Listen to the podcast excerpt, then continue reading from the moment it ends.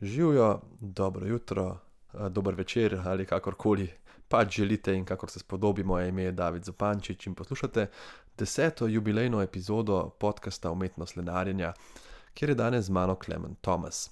Klemen je sicer iz Slovenije, eh, to svojo zgodbo o prijemku boste slišali tekom pogovora. Eh, in mi dva se poznava že več kot deset let, ker sva obiskovala isto gimnazijo, gimnazijo Šentvid.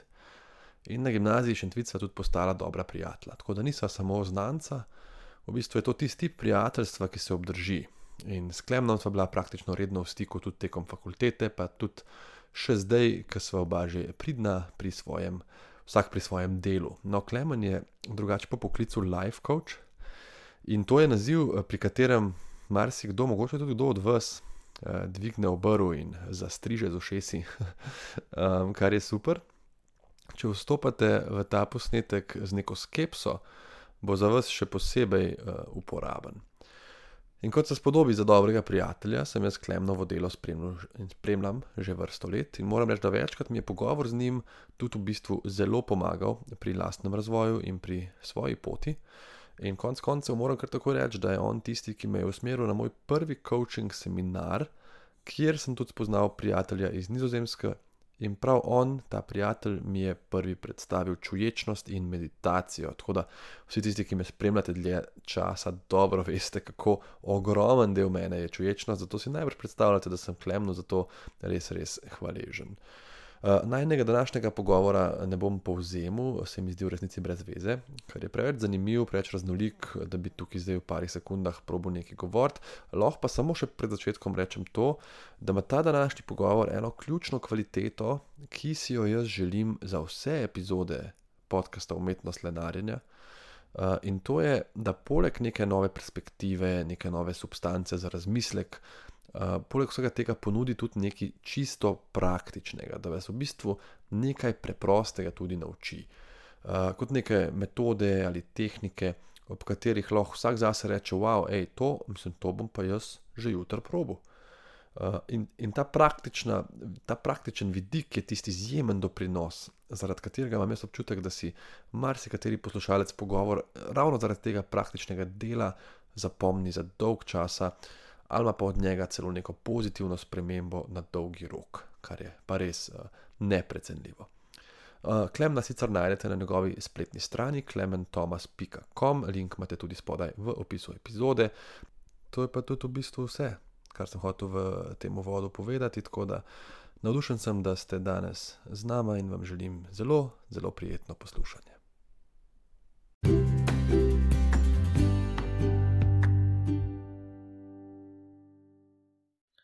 Klemen, uh, za začetek živijo. Živijo. Kako si? V redu. Malo sem nervozen, ker se pogovarjam z Davidom, ki ima številka ena podcast v Sloveniji. Ja, se, ne, se to, to ni uh, zelo zanesljivo in uh, vedno. Je pa eden bolj poslušan. Tako. Okay.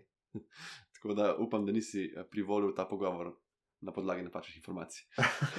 si mislil, da sem, upam, da ne. ne da sem najboljši v državi. ne, red, vedno se rad pogovarjam s tabo. No, lepo, hudo, ker v bistvu se poznaš že full dog.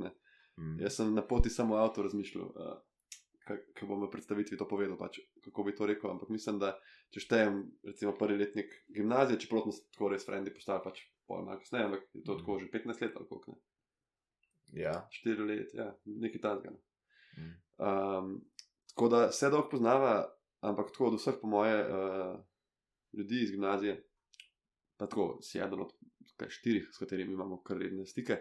Mm. Máš po moje ti tako najbolj zanimivo neko zgodbo, oziroma če me kdo vpraša, uh, kva delajo oni tvoji frendi iz gimnazije. Sem tako, uh, dva sta pravnika, tako en je. Uh, finančni matematik, en je pa tako seks coach. en, je pa, en je pa seks bog. Se bo, kasneje prišla do te tematike. Mislim, odkje je ta na, naziv. ja, se me res zanima ta zgodba. Ampak daj povej mi, no, um, malo, v bistvu, kva delaš ti? um, jaz sem trenutno um, coach oziroma trener za, um, partner, za, za pare. Uh -huh. Bi rekel to kot nek terapeut uh -huh. za Mhm. pare. Um, No, daj tle, mogoče kar po, kaj, kaj je to coaching? Kaj je to coach? um, Coach za pare je lahko tudi, ne vem, igraš za tenis, mož pa žena, pa pride nek trener, pa jih uči. ja. um, kaj je to coach? Coaching v tem smislu je. Um, Mislim, na splošno, coach je nekdo, ki pač ljudem pomaga, da nekaj večje jasnosti v življenju, recimo, ali pa jim pač postavlja vprašanja, ki jim pomagajo rešiti njihove težave, izzive, ali pa pač uresničiti njihove želje v življenju, kar koli to že so. Um, ok, se pravi, v bistvu zelo generalno. Ne? Zelo široko. Ja, mislim, to je na splošno coach. Ja, ker želje, veš, eni imajo, ne vem, eni bi imeli biznis, eni bi imeli razmere, kot si rekel. Ja, recimo coach za odnos, tukaj je pa v bistvu kot nek terapeut za odnos, ki pač pomaga ljudem biti bolj povezani, se čutiti, da si bolj zaupajo, ustvarjati neko privlačnost v odnosu, ki je mogoče izginila po letih. Aha, okay. um, In tvoja primarna usmeritev je v ta coaching odnosov? Bolj. Trenutno, ja, pač odnosi in seks. Aha. Predvsem odnosi, ker seks se ponavadi zgodi kot posledica. Odnos, ja, up, upal ja. bi da. Ja. Čeprav kdaj tudi odnos tako kot posledica seksa. Ja, mogoče. Drugač, um, kaj pa ta tvoj nadimk? No? Se to je tako, ti si takrat, ki si začel enkrat po koncu gimnazije, ne, da se bolj ukvarjati s tem. Ja. Kako kukli že delaš? Uh? Uh, od leta 2012, takrat se je začela moja pot, no, dejansko izobraževanje. No, pa mogoče na hitro, če poveš, ja, uh, malo to svojo pot, če skoda bojo videli, da sem. Uh, zelo pre, premislil, kako sem povabil sem. Okay. Uh, Ker v bistvu, tako, če ti en pride govoriti, uh, da tam dela nek uh, zelo generalen coaching, pa pač ga nisi videl full dog, recimo, je to skoraj to, kot pridejo oni z nekimi dodatki, pa chain marketing. Aha, okay. uh, tako da mal povejno, kako rataš zanesljiv na tem področju, ali pa kje si dobil izkušnjo no, na ta način. Ja, no, pač moja pot se je začela leta 2012, ko sem naredil Landmark Forum, to je pač en program uh, v Londonu. Uh mhm. -huh. To sem tudi jaz za svojo uh, pobudo naredil tudi sam in sem ti še zdaj hvaležen, ker mi je dejansko uh. naredil ogromno razliko. In od takrat, uh, čisto za intermecijo, jaz tudi spoštujem coaching. Nekaj prej sem okay. tudi mislil, pač to folk, ki bi tako rad delal neki, pa ni naredil, ne vem, psihologije, študija ali pa kaj. Uh -huh. uh, pač prodaja in to kar drago ponovadi, ja. nekaj na svete. Ja. Um, ampak, ko sem jaz bil na tem Landmark forumu, sem pa videl, da je v bistvu pa to ni sponzor podcast, pač način ja. tega. Ampak takrat sem videl, koliko, je, koliko je lahko dober coaching domen. Ja, je, je bilo pa zanimivo, da si ti v bistvu takrat imel predsotke pred tem. Ful sem imel predsotke. In si pač imel feeling, da je to nek network marketing ali karkoli že. Ja, sam, ajš, moš me razumeti, ti si prišel tako drug človek po treh dneh nazaj. Ti si prišel tako najbolj navdušen, angažiran, motiviran in si imel tako ja. pripričal, da da je to nekaj, kar nujno rabimo v svojem življenju, pač ta landmark forum. Ja, ja. Uh, tako da, ja, imel sem hude predsotke in mislim, da si mi tako en let težil, preden sem se zavedal. ja. In si vesel, da sem ti ne. Ja, da sem res vesel. Fulj mu dal, no, sorry, ker sem te prekinil, kar povej naprej. Um, ja, no, to, takrat se je moja pot začela dejansko. Jaz sem takrat uh, še študiral na fakulteti za šport, um, leta 2012. In sem v bistvu glih nekako se počutil mazgo blenga, sem se sprašal, kaj hočem v bistvu v življenju početi. In me je pač fulj pritegnil ta landmark forum, ker sem videl kakšni so ti ljudje. Pač, pač jaz sem sam videl tega, ki je to vodo, ki je izgledal ful karizmatičen. Ja, in pač ja. jaz sem si sam rekel, okay, ne vem, kaj oni tukaj delajo, ampak jaz hočem, če dobim nekaj od tega, bom. To, no, to je ful dobro, veš kaj je dobro, ker veliko ljudi, ki vidi enega, kako nastopa na ta način, mm -hmm. karizmatično, tako si reče, oh, koliko bi, bi jaz rad bil tak, ampak se nisem tako rodil. Uh, se pravi, ti praviš, da veliko tega se da tudi priučiti oziroma zvadati. Ja, da, mislim, jaz sem imel recimo prijateljico, ki je pač um, šla na ker sem jo poznal odprej in mm -hmm. sem, pol, sem videl, kakšna je bila potem, in sem dejansko videl, da je ona to dobila, da se je Aha, spremenila. Pol, ja. Potem sem videl, da pač tako je to vod, tudi ima to karizmo, oziroma mm -hmm. ne kako bi sploh to opisal. Uh, in sem rekel, ok, pač zgleda se to, da. V bistvu, kar sem jaz dojel, ko sem gledal, tudi pol, se povezal z nekaterimi, ki smo skupaj preko teh kakšnih coaching metod, da je to kot nek odnos do življenja, mm -hmm. ki se mi zdi ful bolj razbremenjen. Ja. Zato, ker tako se mi zdi, da z dobrim coachingom ti dobiš nek občutek odgovornosti, da si v bistvu sam za veliko stvari odgovoren. Mhm. -huh. Ne to svet okoli tebe, kar je v bistvu ja. sproščujoče. Ne? Ker ja. sam sebe in svoje stvari fulaži urediš in spremeniš, kot spremeniš cel svet. In to, kar si ja. rekel, da gledaš unga, pa rečeš, jaz bi tudi bil karizmatičen, je kaj lahko naredim, je ful bolj dober, kot da rečeš, uh, jaz bi tudi bil karizmatičen, ampak se nisem tako rodil. Uh, škoda pač. Ne ja, ja. ja, nekateri ljudje pač to rečejo in njim, nažalost, pač ta rast se pač ne zgodi. Ne? Um, ampak, ja, če zdaj govorimo o moji poti, jaz sem potem pač dve leti trene, treniral, se treniral s tem uh, Landmark Education, se je takrat imenoval. Um, sem pač redno hodil v London, tako. ne vem, desetkrat na leto, recimo, ja. po dve leti. Um, potem sem šel pač v Amsterdam, ker sem pač tudi eno leto študiral. Um, ma, pač je bila ena šola, ki smo imeli pač delavnice na temo pač, um, človečnosti, um, pač te ko se reče, ne, neagresivne komunikacije. To je po angliški non-violent Non-violent communication. communication, ne kako slovenski prevod. Ja, tudi ne- jaz ne, ampak to, kar si mi napisal, da si delal NVC, to sem jaz v teh v bistvu, v tečajih človečnosti tudi veliko videl. Aha, ja. Um, lahko bolj še malce pri tem ustavljam, no, se zdaj povejti, uh, to, kar me zanima še naprej. ja, jaz sem potem pač šel še um, po tem letu v Amsterdamu, sem uh, še delal delavnice po celem svetu, v San Diegu, um, Ojai, Kalifornija, Bali, Barcelona. Pač po celem svetu sem dejansko hodil in delal te delavnice. In pač v enem trenutku sem pa jaz začel uh, to učiti. Pravi, v bistvu uh, tle, kar je ne, pri coachingu, ni neke, nekega ne vem, smeri na, na fakulteti, na Univerzi v Ljubljani, recimo, ki bi ti dala ta znanja. Se mi zdi, da lih to je tudi dvorezen meč, ker pa lahko marsikdo reče, da je coach in ne veš, Mhm. A je, a je dejansko pol največji pokazatelj to, koliko ima strank, ali je to sam spet posledica tega, da je mogoče najdel nišo, da se je dobro prodal, ali je največji, kako bi ti recimo rekel, um, da se lahko predstavlja nek coach, kako lahko nekdo, ki to posluša, pa bi recimo rad probo coaching, Mhm. Kako lahko loč, Teka A. se. kako lahko ocen. A tako recimo, kot si zdaj rekel, da pogleda nek CV, ne leta Mhm. izkušenj potovanja, Mhm. ker se mi zdi, da pač je fur razlika med ljudmi na tem, Mhm. tem področju. Ja, dejansko tukaj ni res nekega objektivnega um, načina, da, to, da najdeš tega človeka. E, Pač zato bi mogli neke raziskave delati, velike, um, kakšne Ja, rezultate, ja, ja, kakšne koči ja. področja, ampak um, lahko pa pač gledaš, recimo, kakšne rezultate ljudje dobivajo. Tako je. ja. Um, lahko pač, recimo, jaz sem s svojimi strankami tudi um, dejansko pač jim, pos, jim poslal neko formo, oziroma Google Form, ja, da se ga spomnil. in sem pač s pomočjo tega pa videl, kakšne rezultate so ti dobili. Mhm. In pač to tudi objavljam, recimo. Ja, aha, tako kot feedback metoda je. Pa mislim, da pri tem je tudi ve- veliko, um, kdo je šel kot pa recimo, jaz sem ta žico treniral. Imaš tudi pasove, ki ti da, učitelj ti da pač pas, mm, ampak to ja. lahko učitelj kjerkoli da in je full odvisno tudi, kat- kateri je bil tvoj učitelj. Ne, Kdo, ker veš, da eni so pač tisti res profesionalci, Ja, ki tudi imajo zelo visoke standarde, zato kdo je, Mhm. kdaj en postane črn pas. Tako da iz tega vidika ti si tudi pa se učil pri nekaterih takih na področju coachinga. ja. Ja, da jih- da omenim. Ja, ja, povem mi, ja. pač recimo um, uh, Katie in Gay Hendrix, sta Aha. pač, eh, on je, uh, Gay Hendrix je pač avtor knjige The Big Leap, To sem malo pogledal, nisem še je prebral. pač New York Times bestseller. On, je 100 pač, tisoč pač, plus izvodov. ne. ja, on je pač, To upam, da je moja knjiga na poti. Ja. ja, on je pač napisal več takih knjig in jaz sem pač osebno se pa ne učil v Kaliforniji in sem še vedno v procesu izobraževanja. Pač Ampak ta big leap, ja. parih stavkih, kaj to pomeni? uh, Big Leap je v bistvu. velik skok. Nek. Um, ja, v bistvu um, kot nek preskok iz, on, on to opisuje kot nek preskok iz življenja, kjer se uh, trudiš sam preživeti, pa pač um, Ja. v to, da pač um, sprostiš svojo kreativno energijo v svojem Aha. življenju in pa v odnosih. E, to je kar depresivna misel, ker se mi zdi, da um, tako malo, če gledaš ljudi ali pa sebe, kdaj, ki padeš v neko rutino, tako pač, uh, zaj, uh, pač budilka, zajtrk, VC, po to službo, po domov, tako Mhm. zvečer, ne vem, ena ura TV, pa spat, pa spet. a Ne? In Ja. v bistvu čakaš petek, pol čakaš december, pol čakaš dopust in ne vem kaj, pol čakaš. čakaš konc life. Ja, se to je. Ja.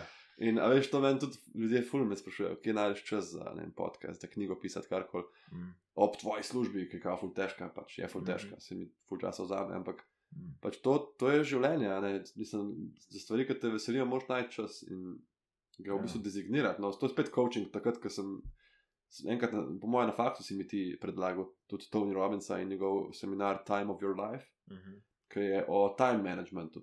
Mhm. To je meni bilo recimo super, Mm. ker tam on, on recimo loč te zon, cone, ne spomnim se več podrobnosti, ampak to je ful zanimivo. Take stvari so, ki se jih sploh ne spomniš več podrobno, ampak ene stvari se ti pa tako zavedno usedejo v glavo. In jaz vem, da imaš nekaj, on ima te cone, cone, recimo ena je ta cona nekega dela, ki ti bo nekoč pač koristilo, recimo služba in tako, ampak Mm. vsak človek ima nek cone of distraction, se pravi, Mhm. Uno, kar rabiš, da te malo zamot, pa sprosti, recimo TV zvečer eno uro, ali Mhm. pa ne vem, neke neumne hobije, ali pa pivo s frendi. tako. Mhm. In za zdaj je pa odvisno, ali boš ti temu distraction dal 4 ure na dan, ali boš mu dal pol ure na dan. Ne, Ja. Nekdo, ki bo dal 4 ure na dan te televiziji, bo najbrž ne. Uh, Manj naredno. No, tako, Definitivno. Zanimiv seminar še vedno, no. Mm. mogoče ga bom še kdaj obiskal. Ponovno, če to je že kar strne. Mhm. Tudi ta ton je že kar v letih. Še vedno. Still going strong. Ja. Še vedno pač. Ja, se ne, Neustaljivo. poslušaš v njegov glas, vidiš, da prav tako ima trajno poškodovan glas ja. od nastopanja. Ja. Kar je ja, kar ja, impresivno. Ja. Uh, ja, hudo. Um, pol v bistvu si ti zdaj preko vsega tega si prišel do točke, ki si najbolj ukvarjaš z odnosi v partnerskih zvedah. Oziroma, Ja, dejansko jaz sem v bistvu um, vsa, vsako to delavnico sem naredil, jaz sem naredil zato, ker me je zanimala, ker sem bil pač strasten glede tega in pač vedno sem opazil neke uh, rezultate v odnosih, ki sem jih pač takrat imel s svojimi puncami. In potem sem se pač spraševal, okay, kaj naj, kaj, o čem se počutim najbolj samozavestnega, kje sem jaz največ zrastel. In sem pač se odločil, da bom začel učiti na tem odnosu. aha. In uh, ljudje so dobili kar dobre rezultate, da Se pravi, tudi tebe je tako najboljši feedback, ti je najbrž uh, povratna informacija. definitivno, ja. Veš kaj, da mi pol povej, a pol uh, največ rekel, promocije, oziroma največ ljudi tebe najde prek ustnega izročila med sabo.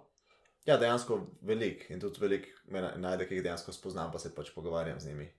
To je dejansko še najbolj naravno. Je pa tudi pač ljudje so tudi na moji e-mail listi, pač na e-mail novice prejemajo.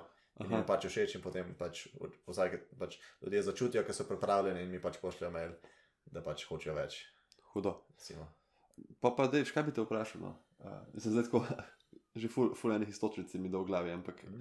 mogoče, zdaj, ki si že omenil, ne, bom niti čakal, ko bom pol pozabil. Ta non-violent communication, to se mi zdi ena taka dobra istočnica, ki Mhm. se mi zdi, da. Um, Ker zdaj, če, če primerjava, ne, recimo, ti si rekel, da je kot neke vrste terapija, lahko coaching. Mhm.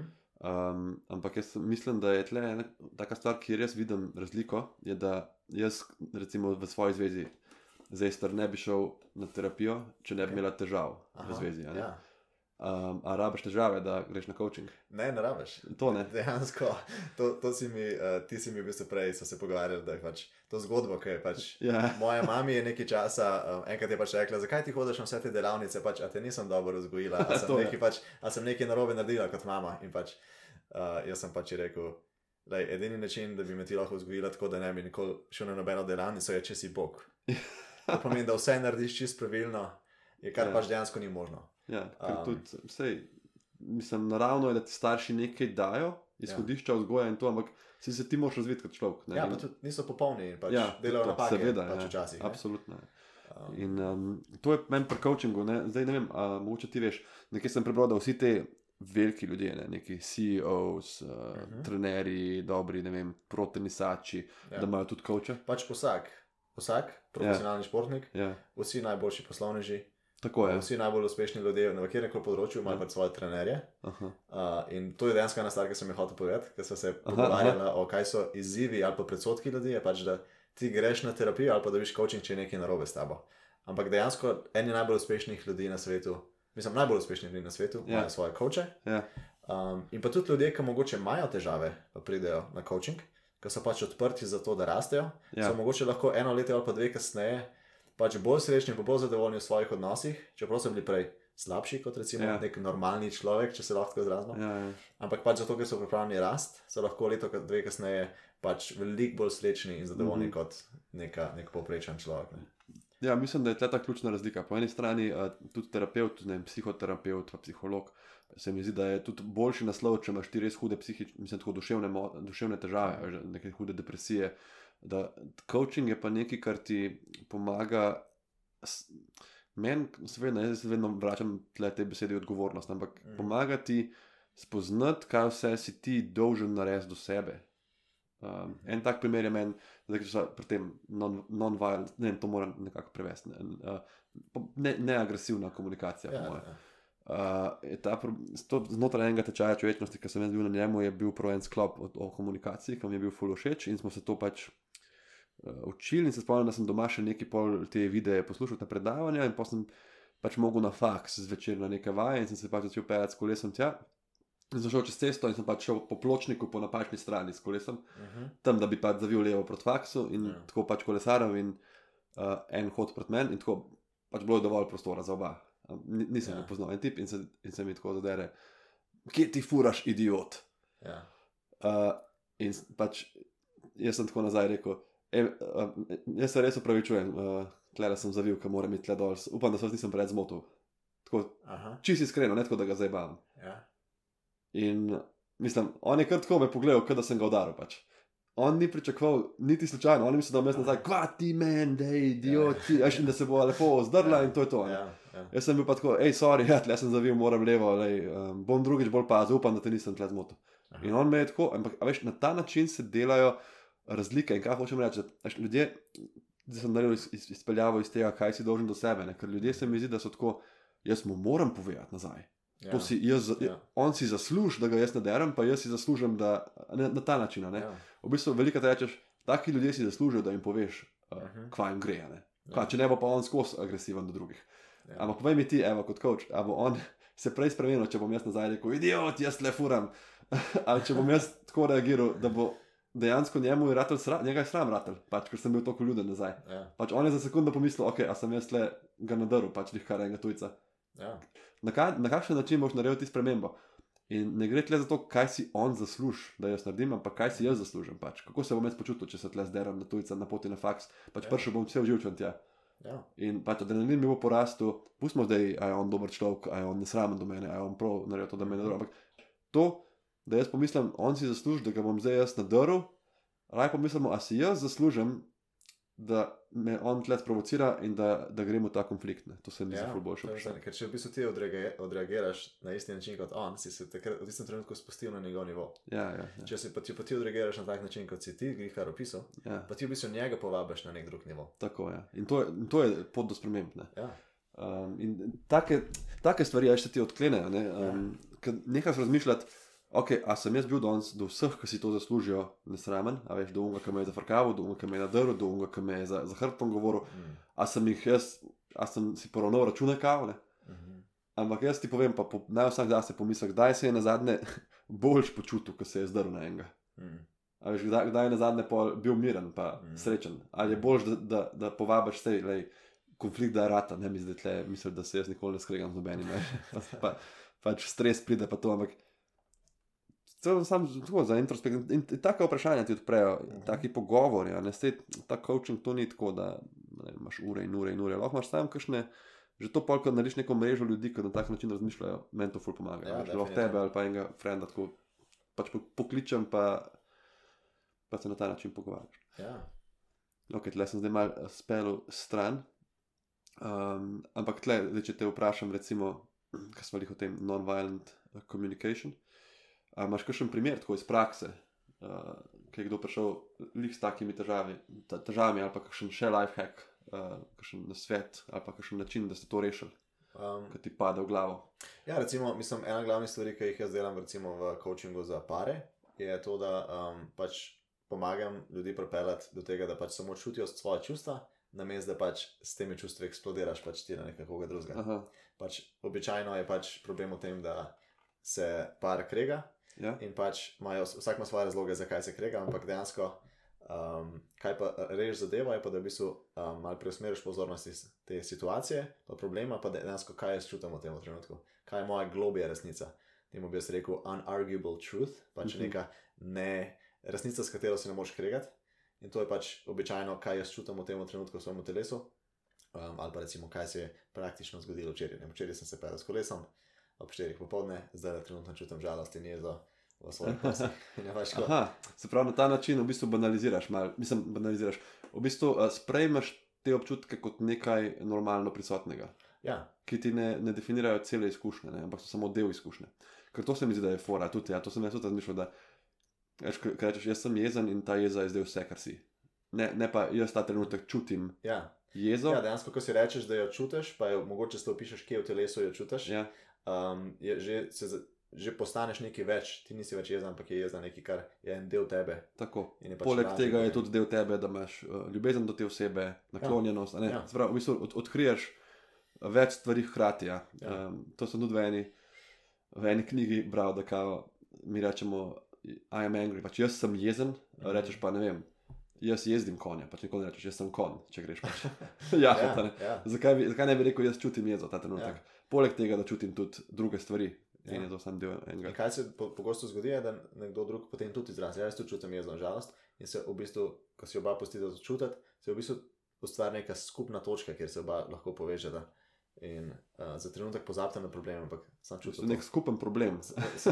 Nek, sam čutim neko povezavo v tistem trenutku in potem se pač problem veliko lažje reši. Uh, ja, se pravi, to je full izziv, to se mi zdi pri vzgoju otroka, veš, tudi kdaj, uh, da ugotoviš, da si na isti strani. Ker si tako, da ti ga zdaj malo nos, jaz sem že čez zmatran, pa da sem po noči nisem spala. Ja. In pa si tako, lej, naj skupni cilj je pač, da umiriva tega dojenčka in mi tako smo družina, Mm, tako da mislim, to, to je kar uh, zelo, zelo velik, ja. zelo velik izziv. Si Um, lahko mislim. zdaj, ko smo lih par dojenčkih, nekaj si rekel, da bo razložil, zakaj so ti govorili seks god včasih. Ali seks bog. Pač v, v eni točki sem naredil spletno stran, kjer sem v bistvu pač nekako postavil vprašanje, kakšno bi bilo življenje, če bi bil ti seks, god, eh, seks bog in bi ti pač eh, ženske govorile to, pa to, pa to, pa to. Aha, In pač to so dejansko bile stvari, ki sem jih jaz izkusil, ali pa moje stranke izkusile. aha. In sem pač nekako. Se pravi, si ponudil tudi to kot- kočal razmere v take intime, kot je pač tudi spolni odnos. ne. Definitivno. Uh, ampak tako, če rečeš spolni koč, si kdo predstavlja, da tako stojiš zraven, tako, ne, ne, malo bolj potiski. Ali malo hitrejši. To je. A je bilo, je bilo to to? Is that all you got? A si to delo? Ne, ne, definitivno ne. Uh, se pravi, seks kot tudi odnos, v bistvu. Ja, ja. Ali pa tudi, pač, da dejansko se pogovarjaš o tem, kaj se, kaj se dogaja med uh, seksom, recimo, pa kakšen. Recimo, ena stvar, ki se mi zdi dobro vprašanje, je, a si ti, kad, če- bi se seks v katerem koli trenutku ustavil, a ti je to ok, a boš lahko veselo odkorakal stran, pa pač prijel za eno knjigo. Pa pač, to je recimo tako dober test? Okay. Ker pač, če si, to pomeni, da si ti bil pač res samo prisoten v trenutku. In si A, med, tem, všeč mi med tem se bom, te bom pa še eno staro vprašal. okay. Ampak, Bojim se. si ti pač res samo prisoten v trenutku in samo uživaš v tem, kar se dogaja. In pač, če se to konča, a ti bo ok, da boš odkorakal stran, to pomeni, da si ti dejansko res bil prisoten v trenutku. Ali pa pač boš razočaran. In če si razočaran, to pomeni, da si ti imel neke pričakovanja, kaj Aha. vse se bo še zgodil. In to je lahko zelo velik problem, v bistvu težava, zato ker se v bistvu uh, pričakovanja lahko ustvarijo to napetost in pač nek pritisk, lahko druga oseba pa čuti. Pressure, pač nek pritisk, da perform. Pressure to perform, ja. Ja. To je glavno- dobro, do, dobro izhodišče, drugače, Ja. ja. če lahko rečem, ja, ker A si pripravljen kadarkoli od- veselo odkorakati in brati knjigo? Pač, in če nisi tako, je zanimivo malo raziskovati, kaj. to je ful dobro izhodišče, zato ker se mi zdi, da seks, a veš, naj bi bil itak naj, najvišja, največ sprostitev, čisto evolucijsko in užitek. Lahko je pa tudi, je pa tudi vir enih največjih težav. ful, Pač koliko je- dejansko pari imajo dva največja razloga, zakaj se kregajo pa celo ločijo. Eno je denar, drugo je pa seks. Dobro, um, dobro, to je tako, ful, ful uh, močna, močen udarca, veš, ka, pomisl, če, če tako misliš zelo banalno, ne, kao seks je tisto, kar je najlepša stvar v zvezi, lahko pa Ja. sproščen si pa to, ampak absolutno to, kar si rekel, in ljudje imajo pač tako, tudi somatske, se pravi, težave na telesu pole, ne, pač boleči spolni odnosi, motne erekcije, zato ker ti bereš stvari, pač gledaš tudi lahko pornografijo, pa tudi če ne, v bistvu ta pressure to perform, se pravi, da moraš nekaj dokazati. Tudi v filmih hollywoodskih in to, veš, kdo je un, največji James Bond, frajer, ki je vedno pripravljen, vedno so vse ženske zadovoljne. Ne vem, pa imaš te neke norme, čez družbene, koliko časa Ja. mora trajati, kakšen Ja. mora biti, kako Ja. mora se obnašati moški, kako mora zgledati se obnašati ženska. In veš, to se nikoli nisem vprašal, ja, in je full dobro point. Če ti, ker to mi je pri tvojih, uh, teh, ko sem te spremljal, tudi, tudi takrat, ne seveda kot podporni prijatelj, ko si imel te uh, seks coachinge, ki so tudi meni bili zabavni, tako smo bili stari, ne vem, 19 let. Um, ampak mi je bilo ful dobro, ker nisi nikoli šel v to. Ker to bi lahko bil dejansko tak seks coaching na obraten način, ki bi še večal to anksioznost. Se pravi, bolj Ja. spet to, kako boš čim boljši ljubimec, kako boš dalj časa zdržal, kako boš, ne vem, až take stvari. V bistvu si pa ti vedno, se mi zdi, učil, kako biti prisoten, ta, kot neka čuječnost. Ne? Mhm. Kako biti prisoten za Najboljši način, na, naj, najboljša novica glede tega je pa, da ko to delaš, ja. se dejansko kot side product oziroma stranski rezultat Ja, zgodi, da pač lahko tudi del cajta trajaš, Ah, tako da si najboljši ljubimec, da si pač vse ostalo. ne, Ampak ne smeš pa tega pričakovati kot cilj. Ne? v bistvu vir uh, tega Ja, je pa nekje drugje. Je pa Ja. v bistvu v tem, kako si ti prisoten v trenutku, kako si sproščen, kako si čustveno povezan z drugo osebo. In mimo grede, spolne erekcije, pa. Um, motne to- erekcije. ali kaj se- Ne, ne, ne, sorry. Um, erekcija pač. Uh, pro- problemi z erekcijo, Okay. ali pa recimo uh, bolečine pri ženski, ali pa recimo problemi, da ženska ni dovolj Pripravljena je, uh, boli. pripravljena, ja, recimo. ja. um, je doskrat posledica čustvene povezave. Mhm. Ko se pač par Seveda, ja. poveže še bolj čustveno, se marsikateri, ali pa recimo, da si ne, posledica do temu, da, tega, da si para ne, par ne zaupata, 100%. Doskrat so, so, je kakšna stvar neraščiščena in je to v bistvu neka blokada, do te energije, privlačnosti in tega. Torej, ker se te pa čustvene stvari ali pa stvari zaupanja razčistijo, potem običajno ta Ja, spon, spolna energija pač teče. Seveda, ker v bistvu je zadnji neka sprostitev, spet, ki jo Ja. potrebuješ za dober odnos. Ja. Ja. Jaz sem prebral eno ful zanimivo misel, sploh ne vem kje, a, da je seks edina aktivnost, kjer so amaterji boljši kot profesionalci. In mi je bilo tako ful zanimivo v smislu, a veš, teh igralcev recimo in to. Aha, ja. In unih, ki tako ful razmišljajo, pa se poglobijo. Ali pa tako en, ki mogoče sploh še ni nikoli, ali pa je pač parkrat in je tako Mhm. mal plašen, ampak pripravljen sprejeti celo izkušnjo in Aha. celega tega človeka, ki ga ima rad, točno ta, kot je, kot si Men- rekel. Mentaliteta belega Točno, pasu. ja, točno tako. Ja. Uh, nekega začetnika, in če se prekine čez 15 minut ali pa čez 2 minuti, neki zmot, si tako, ok, to so bile tako najlepše 2 minuti danes. A veš, Ja, ta, ja. To je res uh, zanimiv Ja. pogled. Ja. Okay, v tem trenutku te bom vprašal. E, enkrat si ti pogledal tako a, tri minutne video na Facebooku od mene. Prav, Kaj- prav, pričakoval sem to vprašanje. A si upam, da si se pripravil. v glavnem, enkrat si ti pogledal tako tri minutne video na Facebooku od mene, ki je govoril o seksu, in potem si imel neke zelo prijetne rezultate, a bi rad podelil, kaj se je zgodilo. Um, mislim, jaz se spomnim takrat, ko si ti to ful pošiljal. To sem rekel enkrat le, jaz, bom pač malo pogledal, kaj, kaj to pošiljaš. In si imel neki v smislu, točno to, kar se zdaj pogovarjava, neki v smislu, da greš v um, spolni odnos in v ta odnos na način, da ničesar ne pričakuješ, ampak res samo. Pač čista čuječnost je bila, no? ker si Mhm. takrat že veliko čuječnosti vadil. Uh, ampak paradoksalno, seveda, v spolnem odnosu nisi to nekako. Uh, ne razmišljaš, se naj ne bi, no, ampak um, razmišljaš druge stvari, kot smo se pogovarjali. In to, ko enkrat daš pristno čuječnost v odnos, res začutiš tisti trenutek, res začutiš ta von, dotik ene osebe, ki jo imaš res rad. Mhm. In ne razmišljaš samo, zdaj je to v redu, a grem bolj tja, a je to hitro, a je to počas, a sem. a veš, Nekako brez pričakovanj in da se res sprostiš. Um, in sem ti pol napisal, Klemen, pogledal sem tvoj video in res full dobro, rej hvala, ne, to pač dobro delaš in upam, da te veliko ljudi spremlja. In pa vem, da je tako pač dva dni kasneje grem malo pogledat tvojo spletno stran in tako neki, uh, izpolnite svoje neki seks sanje, pa tako spodaj. David Zupančič, citat, kao. Svoj nisem vedel, pa si me tako napisal. Uh, res sem užival, pa neki. A te res nisem vprašal. Ja, ne, pač, a ja, Ne, se mogoče ne, si se- me, po moje ne, si me. ja. Ne, sem tako, spomnim se, da sem, da sem ti tako, mogoče sem ti rekel, ja, ja, lahko, lahko veš, da mi je bilo fulo všeč ta video. Pa tako še moja fata si dal zraven, da, da bojo ljudje vedeli, kdo je bil zelo zadovoljen. z- Z videom. To je bilo res dobro. Okay. Um, tako da meni je to spet, ajš pri seksu se mi zdi, da uh, sploh. Mogoče ta coaching je lahko pač tako intenziven, tudi da moraš stvari razčistiti, pa se navaditi, pa delati na tem, ne je Ja. tako work. Ampak na področju tem je pa coaching to, da te prepriča, hej, pač sprost se. Mislim, dejansko ena stvar, ki bi mogoče tukaj mogoče challenge oziroma te izval, Aha, da v bistvu takrat, ko gre coaching res dober, um, je posledica ena, enih največjih občutka notranjega miru, sprostitve in pa svobode. Dejansko to je glavna, glaven cilj. Pač običajno ljudje, prijo zaradi neke težave, imajo recimo težave v odnosu, ampak glaven rezultat, ki jo ljudje običajno imajo, je, um, da, da čutijo večji notranji mir, večjo svobodo, večjo povezanost s tem, kaj dejansko oni hočejo, kdo so. Um, tako da zaradi tega pa coaching dejansko mm, ni. delo. Ja, mislim, včasih, včasih pač se intenzivne stvari zgodijo in pač prijo neke čustva. Kot pri vsaki terapiji ja, lahko odkriješ. Pač, ja. recimo, jokajo, ne vem, pač čutijo neko zelo močno jezo. Ampak pol, se ta, ko se ta zadeva sprocesira, Mhm. kar se običajno zdi zdi precej hitro, če se temu ne opiraš, recimo 50 minut. Um, potem ljudje čutijo veliko večji mir in pa sproščenost, kot so pa čutili 10 minut prej. Ne.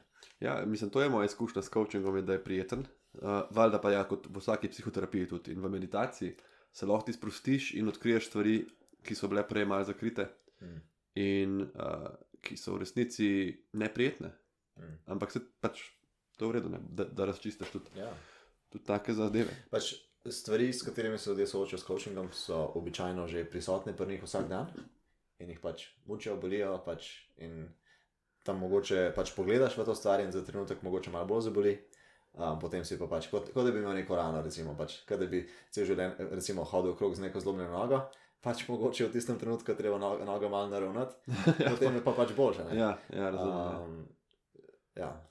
Ja, zdaj, um, to sem tudi opazil tudi pri, pri tvojih stvarih, ki sem jih bral, malo ampak del, da je ful velik na, na tem iskrenosti in odprtju. Ker ljudje, ljudem se uh, je grozen pogovarjati o teh stvarih, kdaj. Ja. Tudi tako z najbližjimi, recimo Ja. ženo, s uh, partnerjem. In uh, to je spet lahko ta predpostavka, veš, da moški mora biti un, hladen, kul cool tip, ki Ja. ne bo nikoli govoril o čustvih, pa Ja. ne bo nikoli joku, pa on je Ja. pač un. Vsaka ženska bo zadovoljena od petih Ja. minut. Ajš tako, neke ta pričakovanja, iz spet iz filmov, Ja. ja. iz nekih. Uh, in da ti si vedno imel tako pač. Uh, in to je meni ful dobro, da to jaz skozi delam, odkar sem tudi eh, te seminarije in coaching in karkoli, ampak nek generalen pravilo življenja je, da se pač odkrito pogovoriš. Mhm. Ko priješ mimo tega, da ti je bed do sodelavca, pa reč, oprosti, prej si me mogoče na robe razumel, ker sem začutil, da si pač res jezen na me, pa ti sam hočem reči, da pač jaz te spoštujem in nimam čisto nič proti tebi in Ja. Rad s tabo delam, upam, da nisva se. Ajš, ampak to je težko narediti. Mhm. Lažje je tam sedeti, pa tako, o ne, kaj si on mislil o meni, upam, Ja. da bo vse v redu. Veš, Ja. koliko bi bilo lepše, če bi vsi razčistili nekako. Ja. Um, to, no, da, da je ta poudarek najbrž v zvezi še toliko bolj pomemben. Ne? Definitivno. In pa jaz, recimo, meni je en uh, znanec enkrat rekel, vse ne rabiš svoji punci vse povedati. Pač, uh, Najbrž sicer res ne, ampak Um, no, mogoče res ne, recimo, kakšne irrelevantne podatke, ki bi pač samo povzročili neko, ne vem, neke negativne posledice. Ampak doskrat, običajno pač um, dejansko je najbolj, da si vse poveš, pač res. Mhm. Um, ker um, vse stvari, ki jih ne poveš, spet ustvarjajo neko blokado, um, ki potem pač dejansko uničuje odnos in pa tudi uničuje povezanost samega sabo, ker v bistvu ti je kot neko breme, vsaka stvar, ki jo nisi povedal, izrazil. In pač ljudje so dejansko presenečeni, ker jim povem, do kakšne. Um, Do, do kakšnih detajlov jaz pač se pogovarjam, recimo z mojim uh, partnerjem, uh, o tem, kaj čutim. ne Pač, od, pač izrazim, da sem pač čutil privlačnost do neke osebe pač v prejšnjem trenutku. Aha. In pač to marsikdo si ne bi upal izraziti, ampak mogoče je v tistem trenutku pač to izziv izraziti, ampak dejansko Pol tudi na drugi strani full več svobode. Mislim, da to malo tudi gradi neko dolgoročno zaupanje. Najbrž, ker, ona pol ve, Ja. da v bistvu, če boš imel nek pomislek, če boš nekaj želel, boš to povedal. In, ker ljudje, velik stres v zvezah, pa v tudi delovnih razmerah, pa tako je, one, kaj si on v resnici misli. Ja, Kao, da si mi ti rekel, hej, uh, me je lep dan, res je bilo v redu uh, na pivu, pa si tako v glavi, ok, se to je rekel sam. Tako res je nekaj skozi gledal na telefon, a mu je bilo res v redu, a je Ja. on sam full hitev. a ne. In če ti živiš z nekom ali poznaš nekoga, ki je tako iskren, da boš rekel, ok, pač, če mi reče, všeč mi je bila tvoja, ne vem, tvoj nastop, ali pa všeč mi je bil večer, ki smo ga preživela v gledališču, boš vedela, da je to absolutno iskreno. Ker drugače bo rekel, hej, uh, vse predstava je bila dobra, sam čutil sem, da si ti tako mal. Razmišljal o službi vmes, a si imel, a si imel, a si imel tak dan, mislim tako, drugič bi mi bilo bolje, če se posvetiš. A veš, Ja. da vedel boš, da ti bo ta človek zaupal tudi dvome in, in tudi Ja. ja. nekaj. In to je pač ful osvobajajoče na nek način. Ja, in tudi pač izziv. Ne? Recimo, ena stvar, ki sem jo pač v prejšnjem odnosu imel, je, da pač, ko je moja punca se začela čutiti tako pogosto privlačnost do drugih moških, Ja.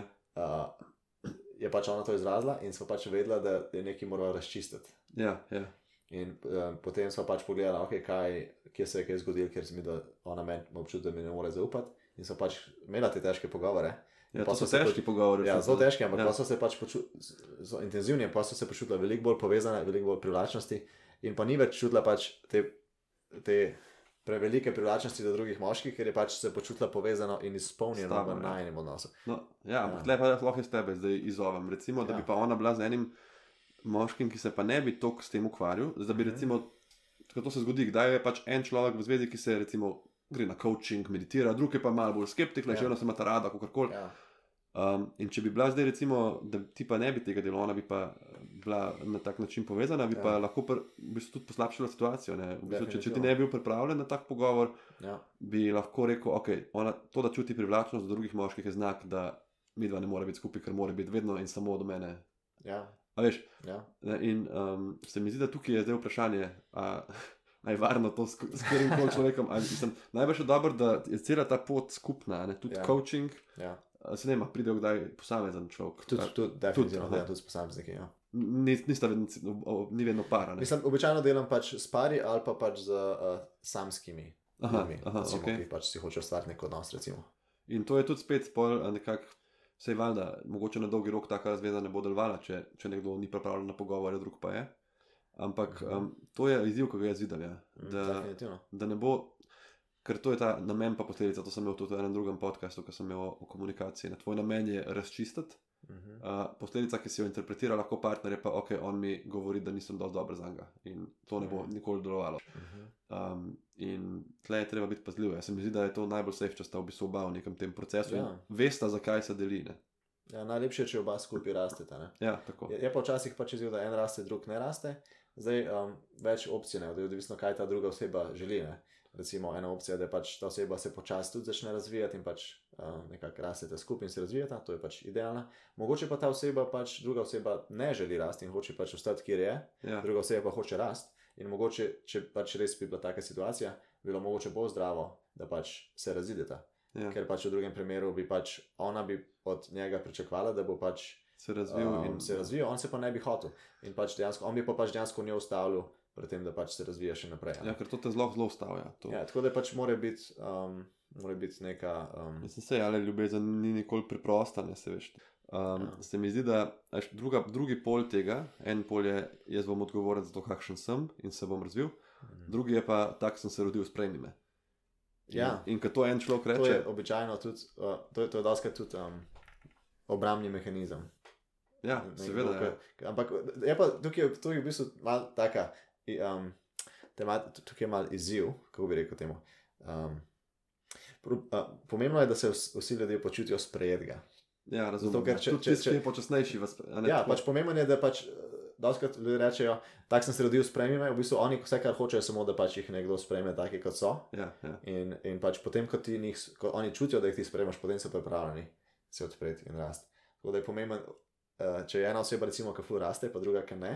Ja. Recimo, da ta druga, ki ne, da reče, tak sem, sprejmi me, je fu pomemben, da ona dejansko sprejme, Ta druga oseba. ka, Ja. ja, kakšen on je in se Mhm. temu ne opira, zato ker da- drugače pa lahko rata dejansko uh, nezdrava dinamika. Mogoče rabi več časa, več. Um, mislim, ja. O, Ja, ali pa samo pač, da čuti, da ga nekdo noče eh, spremeniti, ja, razumem. ampak da ga sam spremete, da ga je in običajno lahko to povzroči rast. Um, Samo po sebi, ne. Da, ja. Ja. Ja. Ker te to kot v mojem primeru na kolesu, ko ti vidiš nekoga, ki se odzove na tak način, um, da se tudi, ko ga tujec napade verbalno, ostane miren in tudi empatičen, ampak tako iskreno, ne, ne uno, Ja. imejte lep dan, gospod.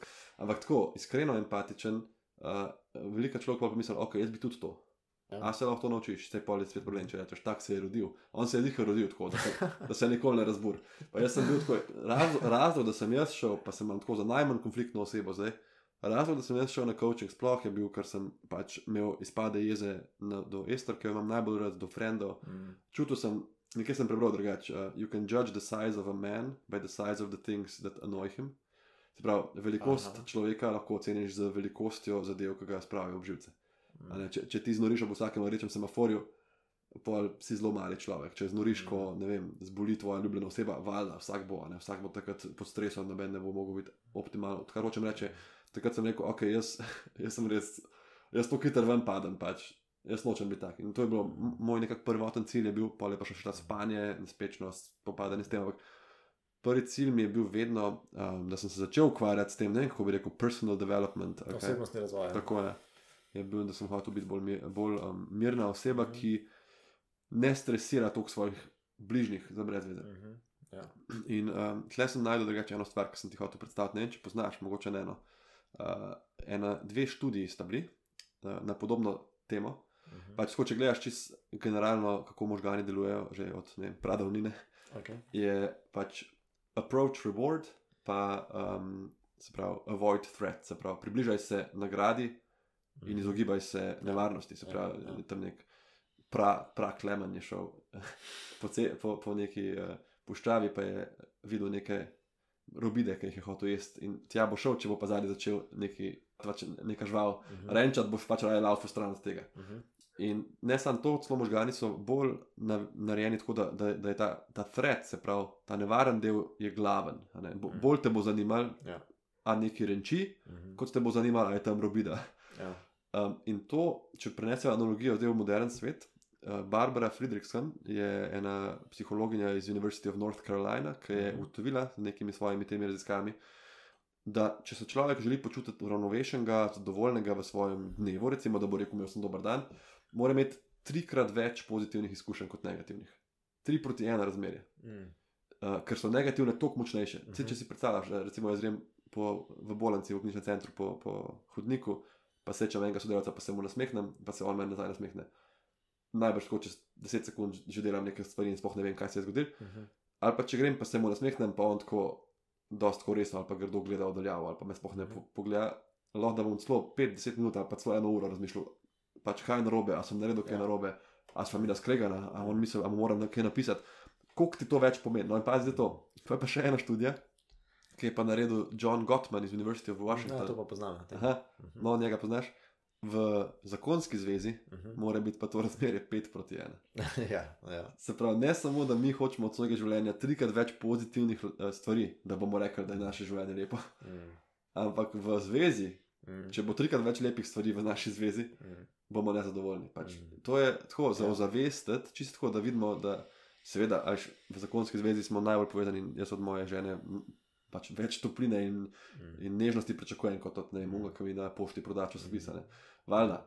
In me bo bolj zmotil, če bo kaj narobe. Ampak Mm. Dajmo sam si reči, je pač nek zdravo pričakovanje od ljudi, s katerimi živimo. Ne? Ker Mm. ta uh, John Gottman je pa napisal, da on v bistvu lahko s temi svojimi prediktivnimi računi Ja. ja. in opazovanjem Za 95% natančno, meni se zdi. ne? ocen, A, uh, se, a bojo ostala skupaj ali ne? tako, ja, ali bo prišlo ja. do ločitve. Ja. Uh, in pa je napisal, da najbrž zaradi tega ga ne vabi več toliko na žure, ker se začne pogovarjati. Ampak daj, daj tvoj komentar na te statistike. Um, ja, pač dejansko jaz um, zato doskrat svoje coaching seanse zaključim s tem, da pač povabim par, da si data pač um, par komplimentov. Aha, In pač uh, recimo tri komplimente vsak, in potem jih tudi pač povabim, da pač drug povzame ta kompliment. aha, ful. Ker v bistvu to pomeni, da ga res slišiš in da ga pač sprejme.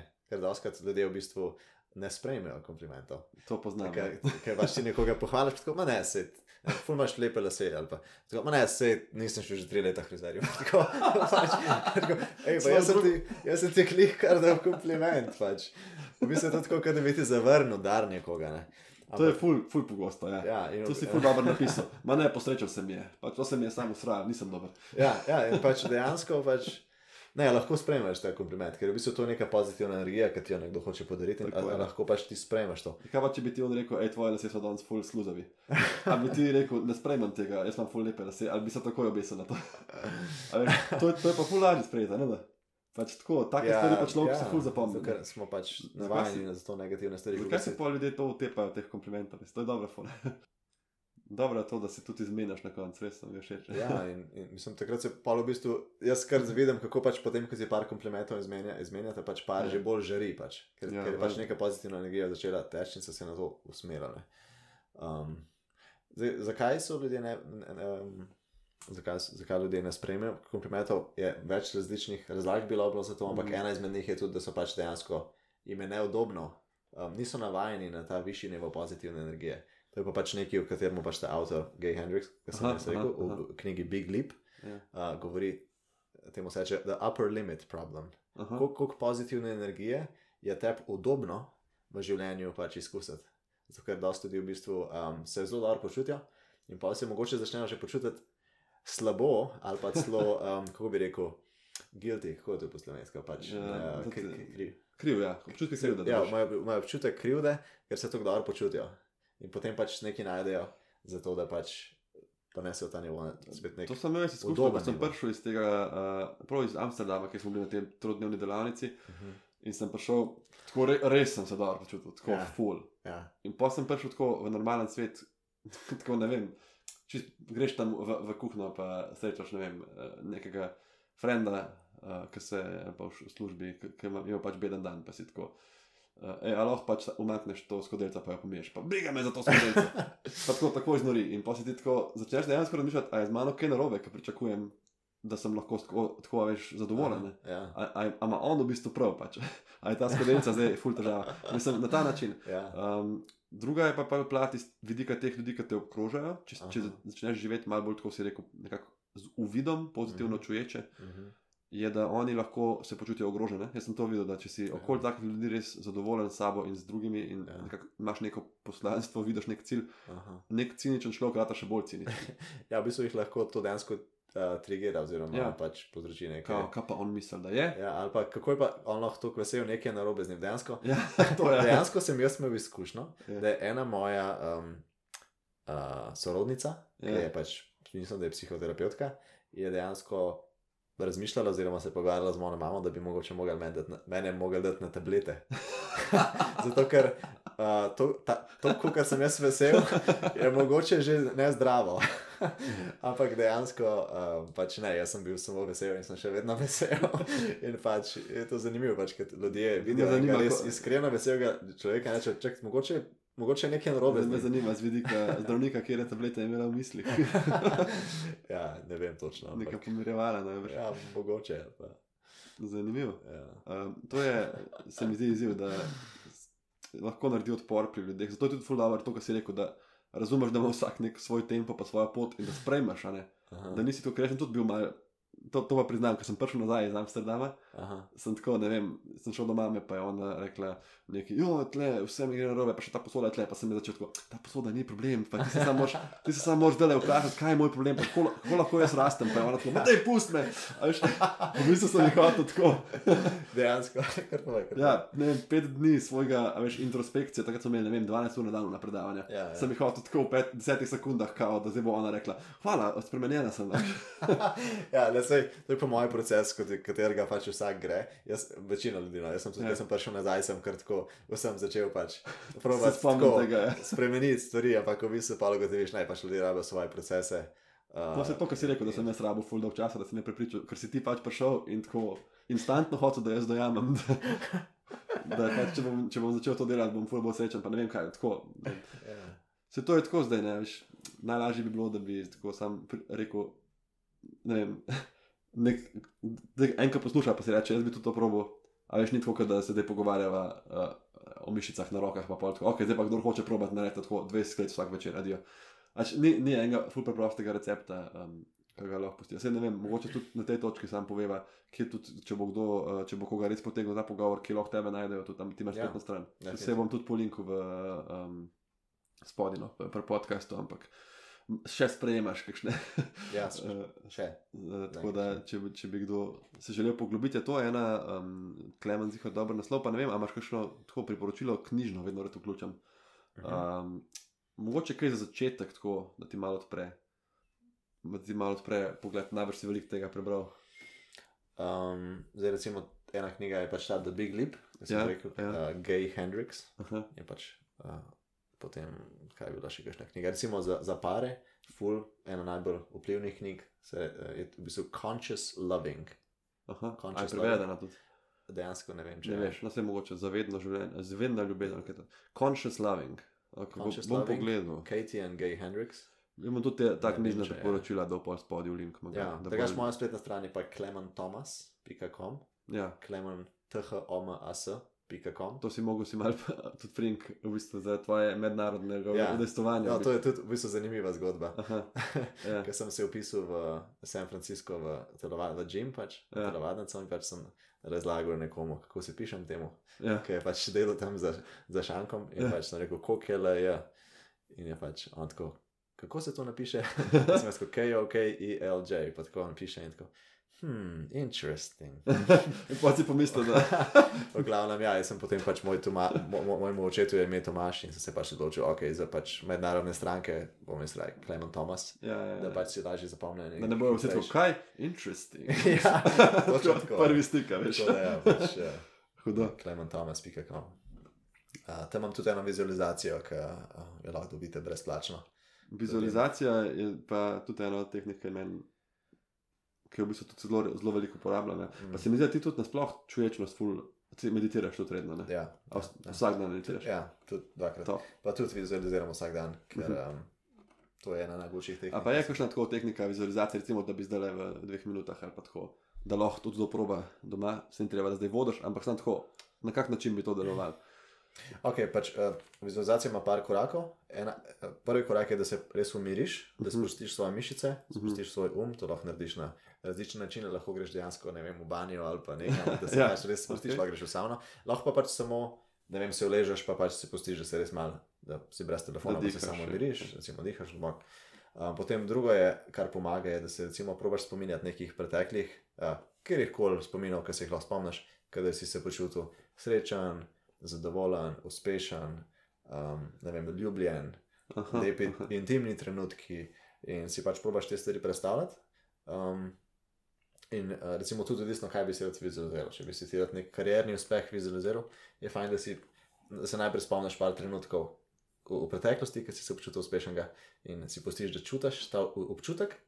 In potem, ko se enkrat res povežeš s temi, se v bistvu kot da bi se nek pač. Um, Neka luč, pre- nek, nek, um, Preklop naredil. nek preklop zgodil, in v bistvu potem si tudi lažje predstavljaš. Ker si v bistvu se ti povežeš s temi občutki, in pa si tudi lažje predstavljaš prihodnost, pa kaj bi ti rad dosegel, in si tudi lažje pa predstavljaš, kako bi se ti počutil, ko boš to dosegel. In si potem pač uh, lahko pos, lažje pustiš to čutiti. To bi bilo tako, recimo, ta način, trije ja. koraki na kratko. In poanta vizualizacije je v bistvu, kar, to, kar si rekel, dejansko pol čutiš. Ne, ker Mhm. v bistvu mogoče ljudje ne vejo, ampak vsak od nas je tako vsak dan kaj vizualizira. To bi bil mogoče četrti korak.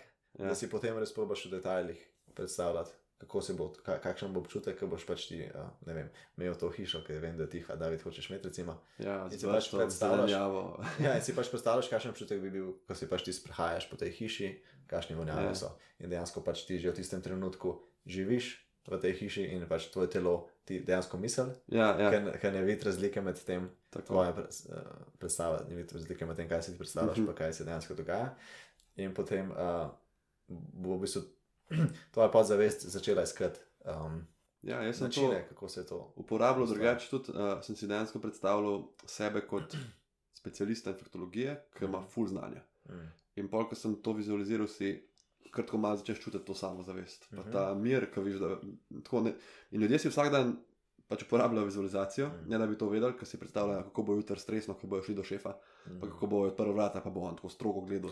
Pa, No, to je dober point. Vsi si vsak dan vizualiziramo. sam, ja, Ampak napačnim večina razlogom. ljudi si vizualizira stvari, ker noče, da se zgodijo, tako je. ker se No, evo. zgodijo. Tako da, uh, in takrat, ko si to predstavljaš, čutiš, pač, kako ti razbija srce, pa si tako malo poten, pa živčen. Mm.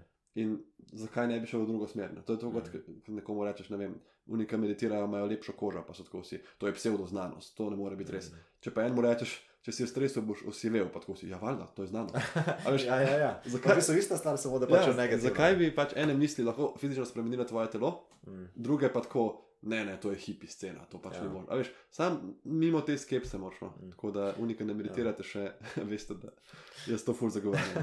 Ja, in jaz sem dejansko imel en trenutek pač, uh, um, v moji vezi, kjer pač sva imela pač nek prepir in je pač ona šla na WC.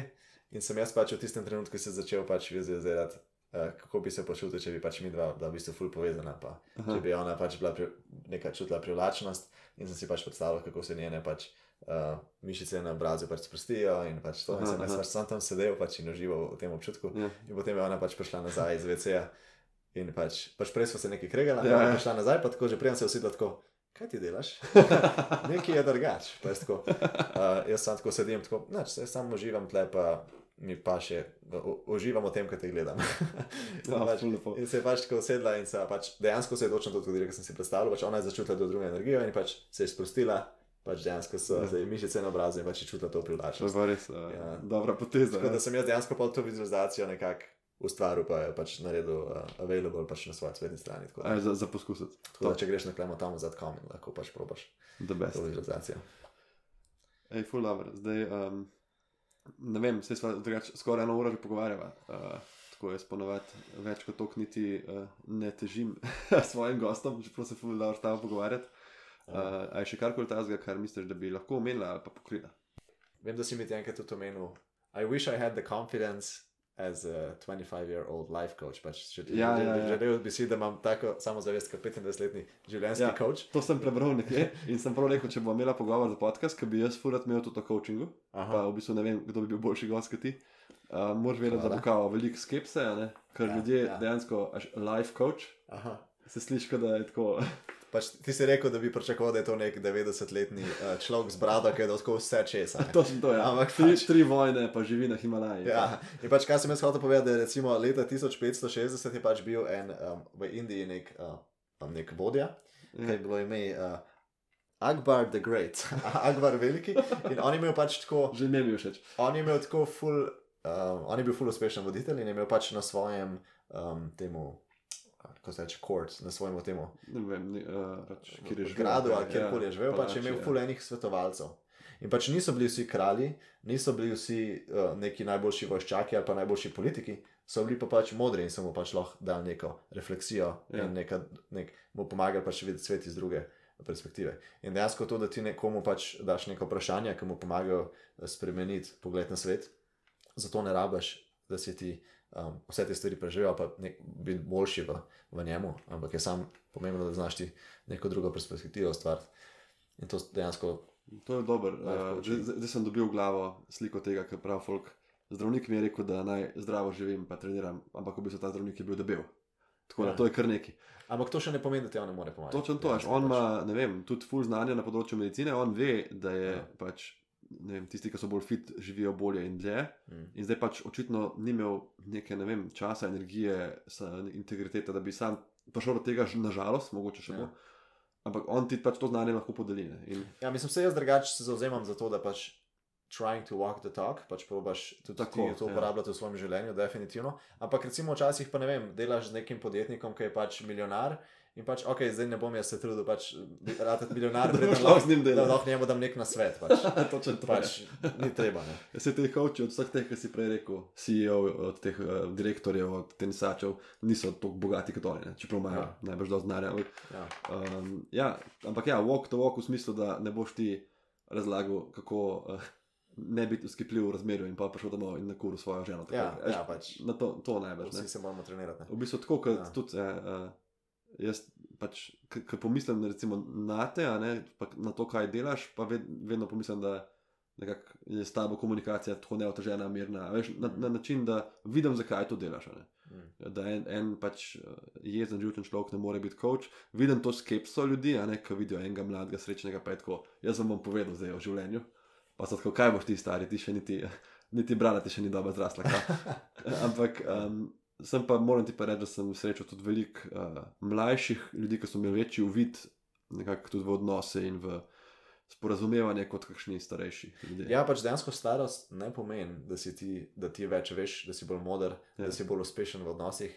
Življenje Pač da. odvi, ja. odvisno je, kako ti izkoriščaš svoj čas. Tako. Če ti pač celo svoje življenje pač piješ, pa se prtežuješ v svojem življenju, pač ti, če si 90 let star, ne boš me mogel nič pomagati. Če pa nekdo pač tri leta delo full intenzivno, na in se full veliko naučil, mi bo verjetno lahko bolj pomagal kot nekdo, ki pač nikoli ni bil niti odprt za te E, stvari. točno to je. Sicer življenje ti da nekaj izkušnje, ampak spet ja. Je na tebi, koliko jih vzameš. Ne? Ja.